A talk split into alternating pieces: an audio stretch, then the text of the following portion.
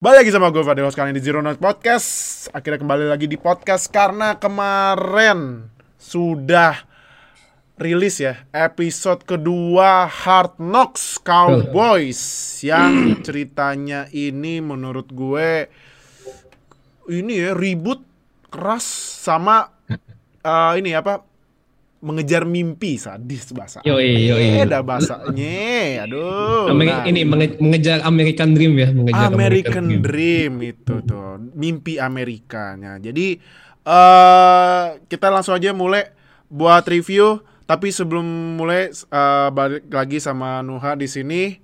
Yo. Nah, jadi buat kalian yang nonton di YouTube, terima kasih banget udah Thank you. nyampe 2K subscribers. Thank Yo. you banget. Nah, jadi eh, kita bakal maksimalin buat kasih-kasih konten terbaik NFL buat kalian di Indonesia. Semoga NFL bisa ditonton oleh seluruh rakyat Indonesia karena Oh. ini kan dirilis hari Sabtu. Besok ada lagi bakal video terbaru. Nah, ini video konten terbaru yang belum pernah kita bikin. Sebenarnya di Instagram udah tapi kita bikin versi videonya. Makanya jadi jangan lupa sebelum Oh. mulai nih semua sosial media di bawah udah ada kan tuh. Udah gue tulis Ya, ya.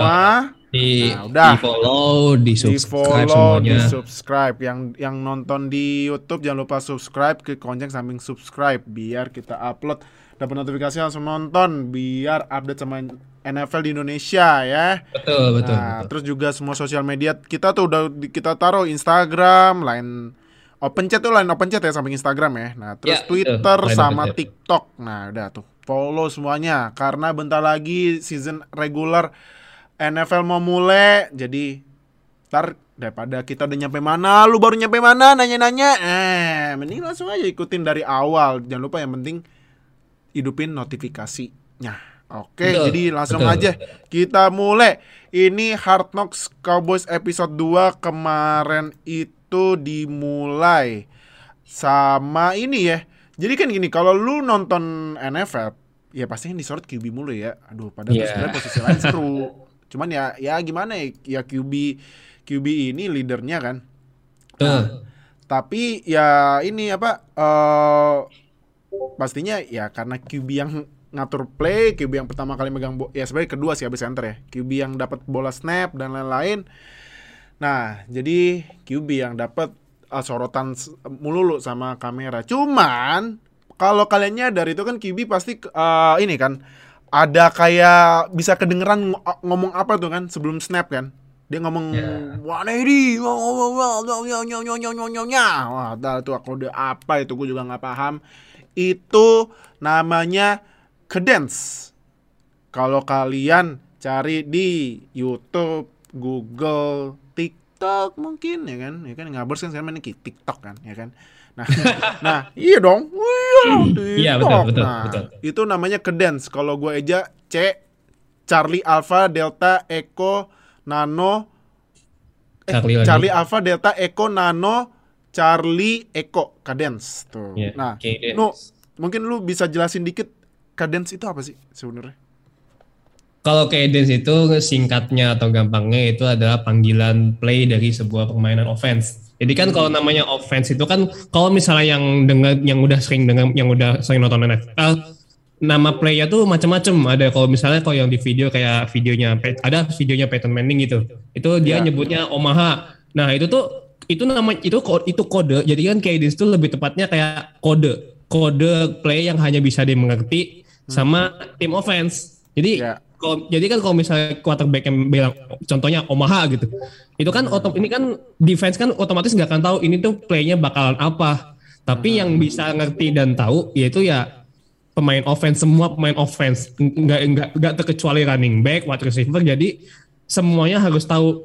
Jadi kenapa sebelum masuk NFL rookie atau siapa pun tuh diharuskan untuk membaca namanya playbook itu biar menghafal playbook biar apa sih namanya ya tipe-tipe gamenya cara-cara main seperti apa ha- harus dihafal ya itu salah satunya Ah, itu. Makanya kenapa cadence itu wajib buat wajib QB. dihafal Wajib. Nah, jadi tuh pas di training camp Cowboys itu itu malah offense sampai sampai latihan loh cadence. Jadi tuh QB itu harus punya Betul, cadence betul. sendiri. betul Iya. Nah, jadi eh eh, j- eh, QB itu harus punya kode-kode sendiri, QB harus punya apa pun sendiri. Jadi- karena ya kalau misalnya lu misalnya Coldplay ya Coldplay bukan Coldplay band ya call, nge Coldplay gitu kan. Call play, call Nah, play.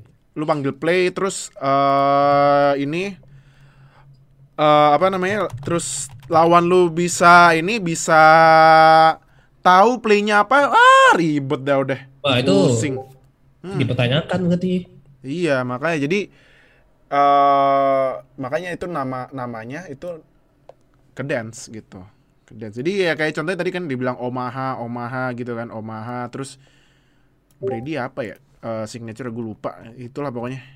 Nah jadi ke dance itu sangat-sangat wajib buat QB dan dan ya ini lagi balik lagi mungkin mungkin pasti banyaknya banyak ini ya banyak eh banyak eh channel-channel atau apa gitu lah ya yang suka ngebreak nge-breakdown eh, ini ke dance ini maksudnya apa gitu. Cuman Iya. gue ya nggak ya nggak bisa di breakdown karena itu emang kode kode khusus. Kode khusus yang cuma bisa diketahui sama quarterback aja.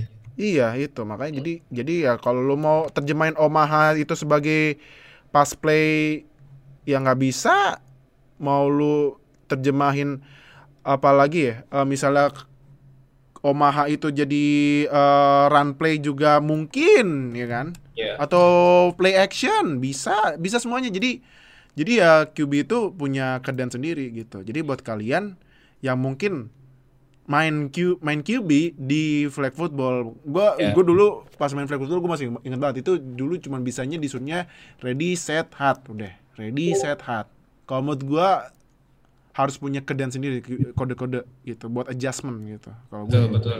Dan juga kalau misalnya misalnya kayak tadi Omaha gitu dipakai misalnya di game 1 dan tipe call yang Omaha tuh misalnya jet sweep. Jadi kan kalau jet sweep tuh route running receiver itu ya misalnya lurus terus menggok kanan. Nah, misalnya nanti di quarter kedua set Omaha itu bisa beda lagi. Nggak Ah. nggak harus apa set Omahanya beda, receivernya nggak harus la- lari lurus belok kanan lagi, bisa aja nanti beloknya patah atau misalnya dia lari lurus. Nah, jadi itu memang bakal beda-beda setiap play dan memang tergantung quarterbacknya.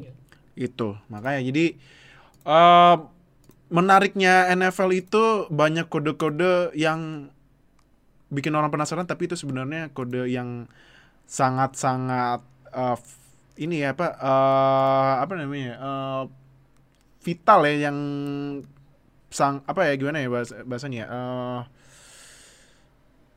apa kalau misalnya ketahuan tuh udah fatal ya pokoknya deh penting Iya, udah, iya. penting penting Sikat banget banget lah itu. itu. Nah, jadi eh itulah eh, salah satu uniknya NFL ya dibanding olahraga-olahraga lainnya. Oke, nah terus yang kedua. Nah, itu kan mungkin kalau lu update banget berita NFL kan sempet eh, lihat kan. Jadi jadi gini, kalau di training camp itu tim-tim boleh latihan sama tim lain. Ya, join join join. Join join practice namanya. Nah, jadi kemarin itu Rams latihan bareng sama tim yang tahun kemarin masuk Hard Knocks yaitu tim jagoannya Nuha. Eh, ini ya, Rams. Nah, jadi tapi ya gimana ya? Kalau menurut gue pemain itu pemain NFL kalau udah dipasang pet itu pasti mentality mereka mereka mau nge mau tackle orang, betul. mau betul, orang. Betul. Iya kan, walaupun kemarin Oh, tuh, oh. kal- ya walaupun di Hard Knocks-nya kema- itu kemarin kalau nonton mereka itu cananya nggak pakai masih cana pendek dan nggak Iya. pakai pet, ya tetap aja badannya pet, pakai pet Iya, gitu. badannya kan tetap pakai pad soalnya. Iya, nah. Terus ini ya Nu ya, kalau nggak salah ada momennya ini Ramsey sama Donald berantem ya. Bukan Ramsey, bukan Ramsey. Nomor 5 tapi kalau nggak salah. Tapi tapi kalau kalau Donald ada kan di berantem kan? Iya, Donald sempat ada kayak highlight kayak ada ya ada kayak footage-nya gitu sedikit ada. Hmm. Tapi itu bukan sama Donald. Sama Bukan siapa sama Ojak sih, itu sama Connor Williams. Oh, sama Connor Williams. Hmm. Ah, oke. Nah, tapi eh kalau menurut lu ini kan padahal masih preseason, ya kan bahasanya kan kan masih preseason ya kan. Cuman kalau menurut tuh udah preseason, preseason gini berantem berantem apa gimana ya bahasanya? Eh dibutuhkan nggak sih biar ningkatin eh, tensi kompete- kompetisi dan lain-lain pemain gitu atau gimana gitu menurut lo? Ya intinya yang bisa ningkatin tensionnya gitu lah. ya menurut gue sih ya safe to say normal lah karena ya tadi sih yang dalam bilang ya kalau misalnya namanya pemain NFL udah pakai pet tandanya mereka udah serius gitu mereka udah serius latihan mereka udah serius pengen compete buat regular season Ah. menurut gue intrik-intrik kayak gitu sih ya wajar aja sih karena kan nanti, yang bisa jadi nanti kan di regular season bisa kayak dua apa sih namanya ributnya bisa lebih parah lagi gitu kan Iya sih, iya iya. Iya bisa lebih parah lagi. Jadi sebenarnya nggak menurut gue sih nggak masalah-masalah banget ya. Kalau misalnya seperti ya balik lagi kan namanya juga latihan. Jadi memang perlu ada sedikit ya dan ini kan juga masuk kamera ya, masuk kamera, Iya. masuk. Jadi ya ya biar ada dramanya lah, biar ada, ya biar naikin rating, ada drama, ada berantem. Menurut gue ya apalagi Rams kan tahun lalu udah masuk Hard Knocks kan, jadi ya udah tau lah cara main buat biar ya bisa biar show up di Hard Knocks tuh kayak gimana ya dia add a little more drama sih. Nah. Itu sih menurut gue ya. Bener bener bener. bener. Nah tapi em, kalau berantem berantem gini, gue akan membahas ini ya, membahas sedikit satu peraturan yang menurut gue ini, alah, kenapa lagi sih ini NFL jadi no fun league. Jadi NFL ini Ah, iya, eh, iya. ini apa? eh, memperketat peraturan taunting. Kalau kalian Iya, nggak taunting, ngerti betul. bahasa Inggris, bahasa Indonesia taunting, jadi inti taunting itu mengejek, ya. Jadi Hmm. kalau misalnya nih, misalnya ada pemain, dia gini nih, misalnya, misalnya dia nangkep bola nih, misalnya nih, eh Davante Adams nangkep bola, dijagain sama Ramsey, terus dia ngeliat Ramsey, terus dia kayak apa lu gitu kan, penalti Ya, ya. 15 yards, ya ampun. Dan ternyata kemarin tuh ada beritanya salah satu owner Giants yang merupakan Nah tuh lu nu aja udah sampai keselak kan? Sampai keselak dia. Sampai keselak ya kan? Sampai keselak. Ya kan? Nah jadi ownernya Giants ini eh ya itu Mara lah pokoknya dia kan di dari Mara family ya. Gue lupa namanya. John Mara, ya. John Mara. Ya, nah, dia itu adalah salah satu anggota komite competition eh, competition NFL. Nah, dia bilang kami sudah capek melihat pemain yang selalu kena ejek. Lah, Lah itu mah karena emang timnya kalah mulu. iya Giants kali ya. Giantsnya kalah mulu makanya Ejek. ditaunting terus. iya, kayaknya kayak gitu ya. Alasannya gitu, Ah. Bang. Alasannya ini banget. Apa nggak bikin bikin orang ketawa tau nggak alasannya jadi nggak nggak logis.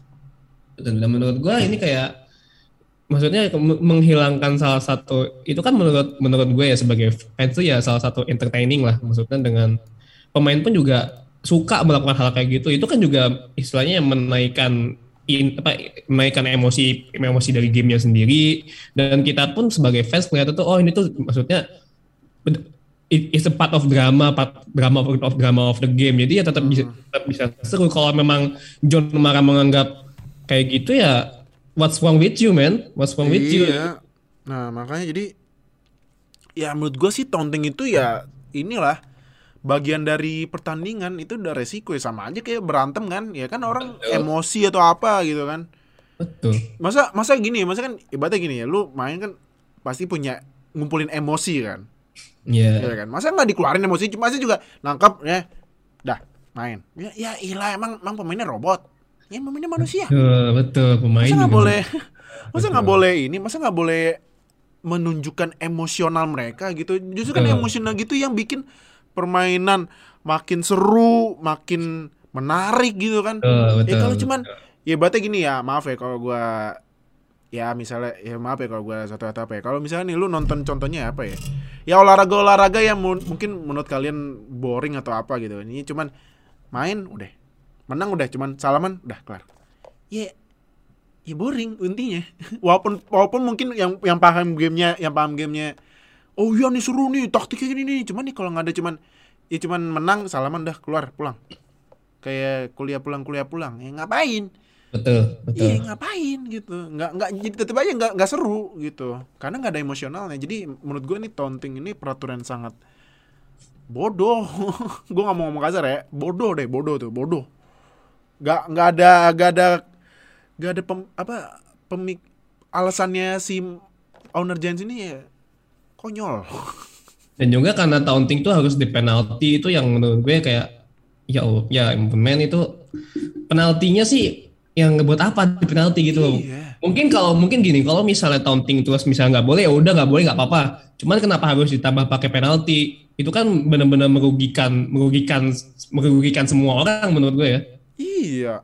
Kayak kemarin tuh contohnya pas match apa ya? Match gue lupa match mana gitu yang dia running backnya dia lari jo- lumayan jauh yang dia sampai nyeret lawannya terus dia ngeliatin lawannya gini kan kayak apa gitu. Hmm. Ya masa gitu doang 15 yards. Masa masa penalti kayak gitu lebih berat daripada holding atau misalnya false start. Nah betul yang betul. yang pastinya holding sama false start itu kan ini kan emang pure kesalahan pemain. Nah, ini kan Betul taunting betul. taunting kan mengeluarkan emosional ya. Nah, ntar kalau misalnya nih, misalnya nih ntar pemain NFL pada berantem kayak kemarin Cowboys sama Rams, masa semuanya diusir, di eject gitu. Aduh, ini taunting emang peraturan. Heran gua. nah, Nanti. Nah, next ini eh kan sempet ini ya dikasih apa CD Lamb ya, CD Lamb yang dia bilang pakai Ya, nomor CD. 88 ini menurut dia kalau bahasa sono nih chip on my shoulder cah. Bahasa Ya chip ini ya. on, chip on the shoulder. Majasnya gitu ya, majasnya. Hmm. Nah, chip chip on my shoulder karena kan nomor 88 ini di Cowboys ini berarti kalau di bola ini nomor 10 gitu ya, nomor keramat. Karena Nomor nomor, keramat 88 ya, ini dipakai sama Michael Irvin, Drew Pearson, sama yang terbaru kemarin Des Des Bryant. Nah, jadi Bryant. nah tapi gini no. Kalau lu harus pilih WR1 buat Dak Prescott Amari Cooper atau CD Lamb. Karena sampai sekarang gue sampai bingung, sampai sekarang gue bingung gue masih bakal tetap pilih Amari Cooper ya. Kalau misalnya gue sebagai Dak Prescott, I still, I want to pick inilah si Amari Cooper karena menurut gue Lamb emang masih bagus, emang bagus, cuman menurut gue belum saatnya dia menjadi WR satu karena ya di satu sisi Cooper juga masih masih in still his, his prime, masih benar-benar ya, masih reliable banget dipakai sama Dak Prescott. Tapi CD Lamb ini di preseason ini ya di latihan preseason ini benar-benar bagus banget. Bagus Dan banget. ya. itu juga terlihat di video Hard Knocks juga di episode 2 benar-benar diliatin gimana CD Lamb tuh latihan, gimana dia nangkap bola, apa segala macam. He's really good at it, gitu. benar-benar bagus banget dan dia kayaknya bakal punya bakal breakout season di musim ini sih menurut gue. ya. Hmm. Oke oke oke oke oke oke. Nah, eh next kita ini ya ke ada satu pem sebenarnya iya satu tapi satu satu pemain ini yang disorot ya. Jadi di eh, Cowboys ini ada satu pemain yang ternyata setelah diceritain dia itu asalnya dari Pantai Gading, tapi dia harus pergi ya, per- pergi dengan terpaksa juga menurut gua karena Ya, di sana terjadi perang saudara ya. Dia adalah namanya Azur apa A, A, A- Arus sih Azur ya? Azur Azur Azur, Azur Kamara. Kamara. Nah, dia itu pass rusher-nya Cowboys. Nah, jadi buk, dia, jadi Azur Kamara nih gue sempat baca di komen saudara nggak Malvin Kamara ya? kagak. Pokoknya itu Enggak, enggak, nama belakang sama nggak ber- ya nggak berarti saudaraan. Ngap. Beda. Beda ya. Oke. Nah, eh, jadi dia itu eh, datang ke Amerika sebagai ini ya apa pengungsi refugee ya kan. Ya, refugee betul. Nah, terus dia kuliah, katanya dia nggak paham bahasa Inggris, tiba-tiba disamperin sama salah satu coach di sekolah apa kuliah gue lupa, katanya lu bisa main football. Kata dia, ya gue taunya football, yang gue tahu itu soccer. Nah, tapi katanya, tapi gue lihat badan, kata coachnya, gue lihat badan lu cocok nih, coba aja main foot, main football gitu. Nah, akhirnya dia main football dan eh ya kemarin ini ya main di Hall of Fame game sama kemarin di Cardinals yang ntar kita bakal bahas. Nah, no kalau menurut lu pandangan lu apakah NFL ini harus mulai eh, lebih men- tapi sebenarnya gini ya, memang s- menurut gua susahnya NFL itu dan American football itu equipmentnya mahal ya kan. Nah, tapi Betul, jadi betul. aksesibilitas buat olahraganya agak susah. Teman kan pasti ada aja kan caranya kan. Nah, tapi menurut lu NFL apakah Betul. harus lebih mengglobal kayak NBA gitu? mungkin gini mengglobal di sini buat NFL lebih menurut gue ya lebih coba untuk apa lebih ke boosting their marketing sih maksudnya marketing mereka menurut gue udah cukup oke okay ya udah cukup oke okay, mereka udah tembus pasar Europe lah mereka udah punya game reguler game yang di luar negeri reguler kayak di London Games mm-hmm. terus juga Mexico Games itu menurut gue udah cukup oke okay. tapi emang, emang benar tadi buat main NFL sendiri bukan sorry buat main American football itu sendiri alat-alatnya cukup mahal mulai dari pad, helm apa segala macam.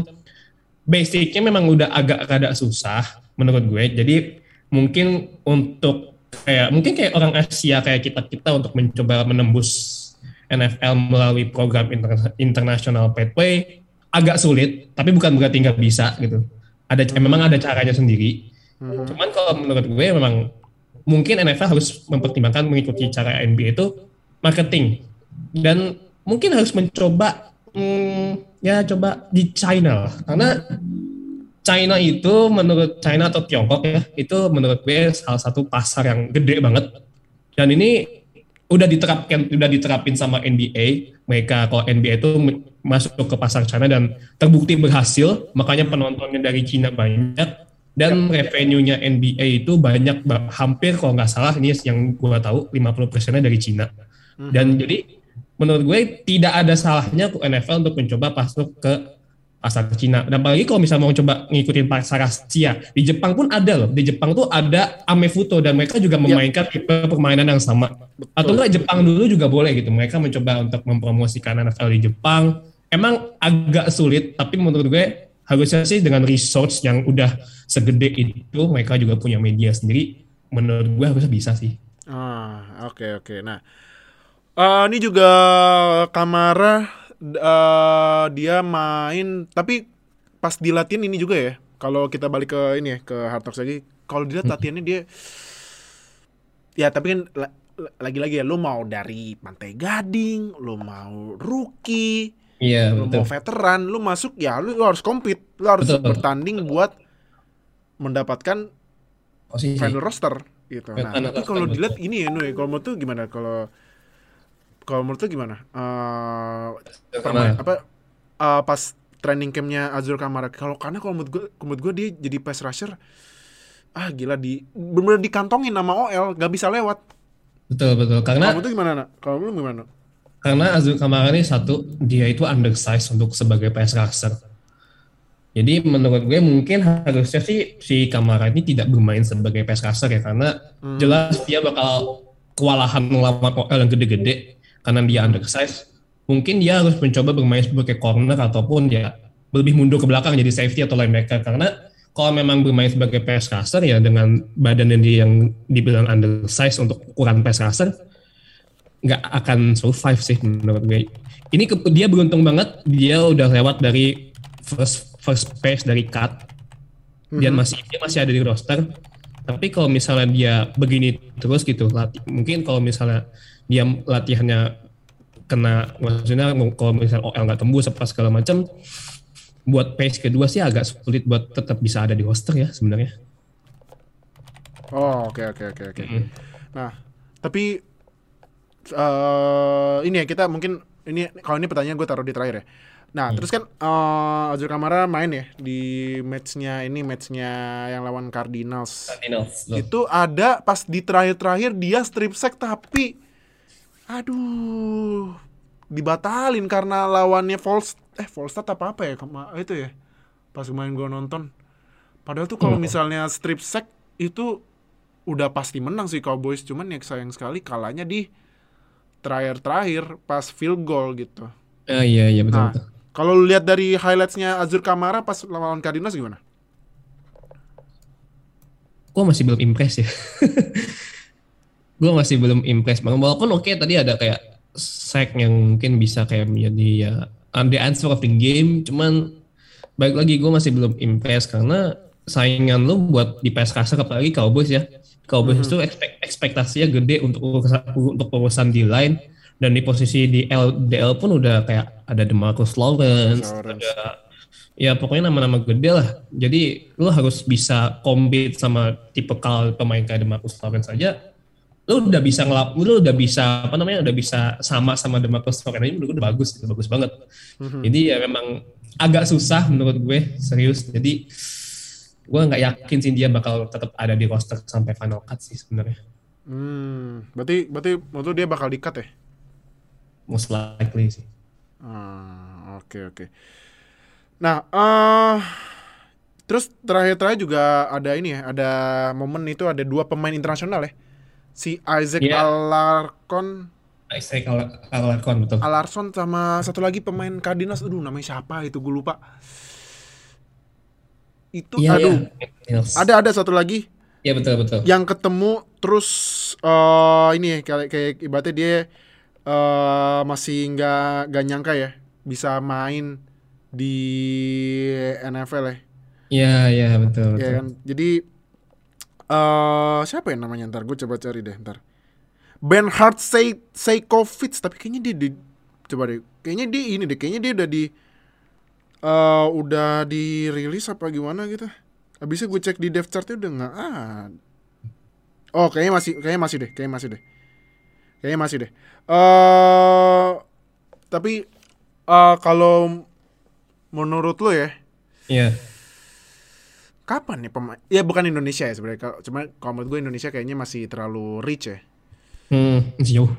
Mungkin in- di kalau mungkin kalau pemain Asia yang ya namanya Asia kan Yong Hoku kan ada kan di Iya, Ho. tapi kan emang memang Asia kan sebenarnya ya sama Taylor Rapp keturunan Taylor Asia. Rapp, betul, Taylor Taylor Rapp. Tapi kan kalau Taylor Rapp dia emang orang US, cuman memang Ah, itu ya. keturunan Asia. Memang itu udah beda sih. Memang jalannya udah beda. Iya, kalau Yong Hoku kan dia emang lahir di eh Yong Hoku itu dia itu lahir di di ini di Korea benar. Dia dia lahir di Kor- South Korea tapi sekolahnya di Amerika kan. Nah, menurut lu kira-kira ya buat kira-kira aja lah ya kapan nih kapan nih pemain Asia bisa main di sebenarnya nggak nggak kibi juga sih. Menurut gua ya po- posisi-posisi lain yang suka disorot gitulah sama media kira-kira berapa tahun lagi?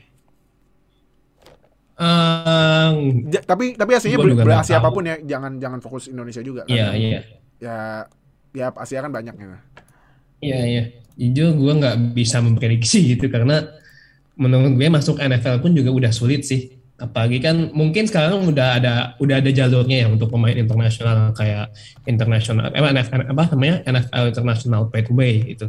Dan menurut gue itu udah cukup menurut gue cukup cuman yang menurut gue agak kurangnya maksudnya kayak pemain-pemain maksudnya kayak pemain-pemain football yang dari luar negeri gitu kayak selain Amerika yang udah main di college football itu harus masuk NFL pathway lagi. Menurut gue itu ya, itu menurut gue agak sayang karena menurut gue itu nggak perlu karena mereka udah main di college. Mhm. Menurut gue ya, karena mereka udah main di college, udah ngerasain atmosfer permainan American football. Kayak college football menurut gue udah menjelaskan hampir 5 hampir 80% bagaimana NFL tuh NFL works lah. Menurut gue cukup. Jadi pemain-pemain internasional contohnya kayak siapa ya? Ini fullbacknya Patriots Jacoby Johnson. Oh, Jacoby Johnson orang Jerman ya? Ya orang Jerman, dia kan main di Tennessee, University Iya. of Tennessee. Aha. Dan menurut gue itu pengalaman dia di college menurut gue udah cukup ya untuk bisa bermain di NFL gitu lewat lewat drafting atau mungkin lewat undrafted. Tapi kan dia si Jacoby Johnson tuh harus lewat international pathway dulu. Menurut gue itu agak mem- cuma memper, apa bukan memperpanjang sih lebih tepatnya stepnya tuh menurut gue terlalu panjang Nambah lagi. nambah lagi. Tapi kalau memang kayak yang benar-benar kayak main yang liga kayak contohnya kayak di Austria kan juga ada tuh di Austria di Jerman juga ada. Nah, ketika mereka mau coba langsung main di NFL, nah mungkin bisa dengan cara langsung lewat international pathway. Tapi kalau misalnya kayak pemain luar negeri yang udah main di luar negeri terus pindah ke college, ya menurut gue itu nggak perlu harus step itu menurut gue nggak perlu menurut gue loh ya. Hmm. Ah, oke oke oke oke. Nah, ah, episode 2 terakhir dari lo nilainya berapa? Dari 1 sampai 10. Menurut gue sih episode ini ya in- entertaining lah. Gue interesting Bagi berantemnya ya? tonton ya. karena menurut gue itu kayak nunjukin ya human side ya karena walaupun kita mungkin ngebahasnya kayak beberapa yang kayak tadi juga cuman kan ada beberapa footage yang juga tentang bahas tentang family kayak misalnya tunjukin Tyron Smith sama Tyron Smith, aku dengan family-nya. Mhm. Ya, ya inilah sisi sisi lain dari pemain NFL yang menurut gue cukup merepresentasikan ya mereka juga manusia menurut gue mereka juga punya mereka juga manusia biasa dan bukan ya sekadar NFL player aja gitu. Mhm. Oke oke oke oke. Jadi nilainya berapa nih? Ya menurut gue tujuh setengah lah Tujuh dari ya? sepuluh. Oke, jadi itu review episode 2 kita. Jangan lupa minggu depan nonton episode 3-nya abis pertandingan pagi preseason ya. Kan jadi enak tuh. Betul, betul. Kan enak. Abis lu nonton preseason, nonton Hard Knocks. Nontonnya di mana? NFL Game Pass. Masih gratis.